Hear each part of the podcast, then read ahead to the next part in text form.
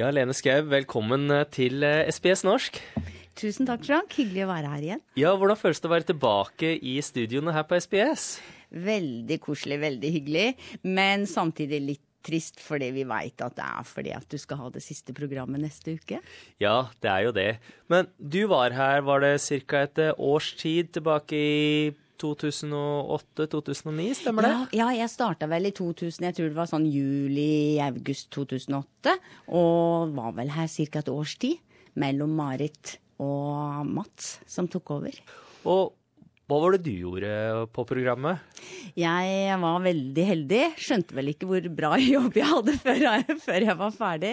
Og fikk lov til å spille norsk musikk hver fredag i ett år. ja. På det tidspunktet så var det jo hovedsakelig en uh, musikkanal eh, programmet ja, var. Så de, de, gjorde det til et musikkprogram, og så spilte vi litt engelske nyheter først. Ja. Og annonserte litt uh, norske aktiviteter som skjedde rundt i de forskjellige klubbene i Australia på slutten av programmet, men stort sett så var det musikk.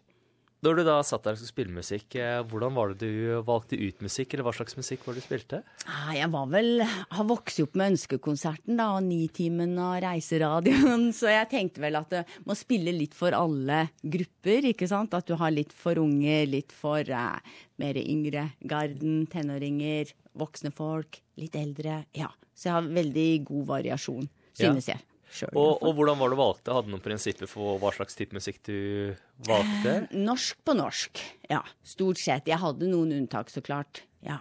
Men ja. stort sett så var det norske musikere som sang på norsk. Hadde publikum eller lytterne mulighet til å komme inn med sangønsker, eller eh, var det stort sett du som eh, fant på hva du skulle spille?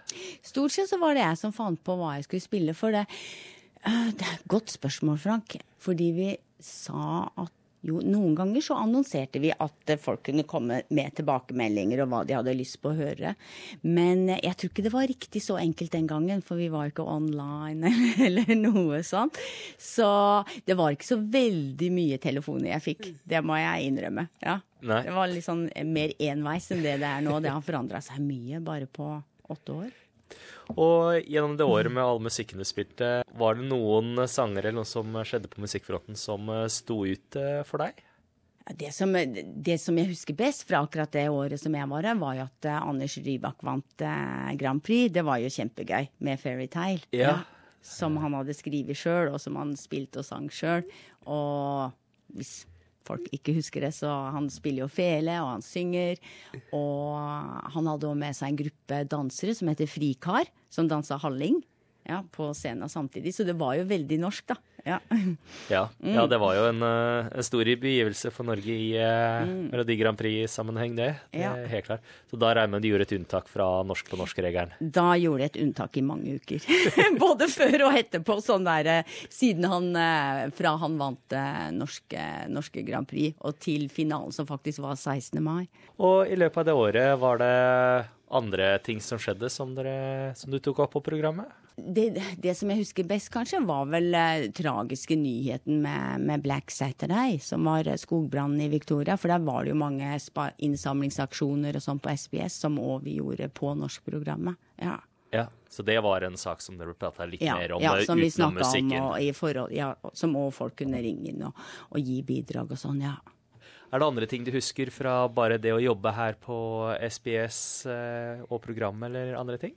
Veldig hyggelige folk, særlig på de skandinaviske programmene. Da. Finske og svenske programmet jobber jeg mye sammen med. Danske så var det vel eh, De var ikke alltid på lufta i den perioden som jeg var her. Ja, veldig hyggelige teknikere, for det brukte jeg på hvert program. Så det var, det var kjempekoselig. Ja, Yeah. Veldig hyggelige folk. Så du nevner ting har jo forandret seg litt eh, nå, mm. når jeg nå spiller litt musikk. Vi spiller ikke så mye musikk på programmet de siste årene, men eh, jeg får da stort sett levert en digital fil med musikk når jeg mm. bare ber om hva jeg vil ha. Jeg regner med at det var ikke alltid sånn det skjedde for din del. Hvordan var det du spilte musikken? Ja, vi hadde et bibliotek med CD-er. ja, og det var, det var, jo kjempeflott å få lov til å gå inn på biblioteket og bare se gjennom alt det som fantes av norsk musikk her. Det var klart det var ikke alt som var like oppdatert, for det var jo ikke et musikkprogram. Det var jo ikke det SBS skal være. Det skal jo være et nyhets- og informasjonsprogram. Så, men det var en god del norsk musikk der, og Marit hadde gjort en flott jobb, og hun hadde òg fått masse av ambassaden, som sendte nye CD-er og musikk til radioprogrammet. Og så satte vi opp en sånn, eh, hva var det kalt igjen? da? Sånn der, eh, vi måtte sette opp et visst uh, Nesten en sånn der schedule over hvilke sanger vi spilte, for det var i forhold til da at de da fikk penger og royalties. Ja, Så det måtte jeg gjøre for hvert program. Ja. Ja, så det. Og da mellom sangene så satt du og introduserte dem og pratet litt om uh, musikken og sånt? Ja. ja. Sånn. Introduserte litt forskjellige musikere, og temaene hadde litt forskjellige tema ettersom om det var jul eller vinter eller vår og Valentine's Day og litt forskjellige ting. En, tusen takk for at du tok deg turen innom, men siden du satt og introduserte all musikken gjennom eh, i hvert fall et år og litt mer, tenkte jeg at du kanskje kunne få som en avslutning eh, få lov til å introdusere neste sang. Ja, tusen takk for det, Frank.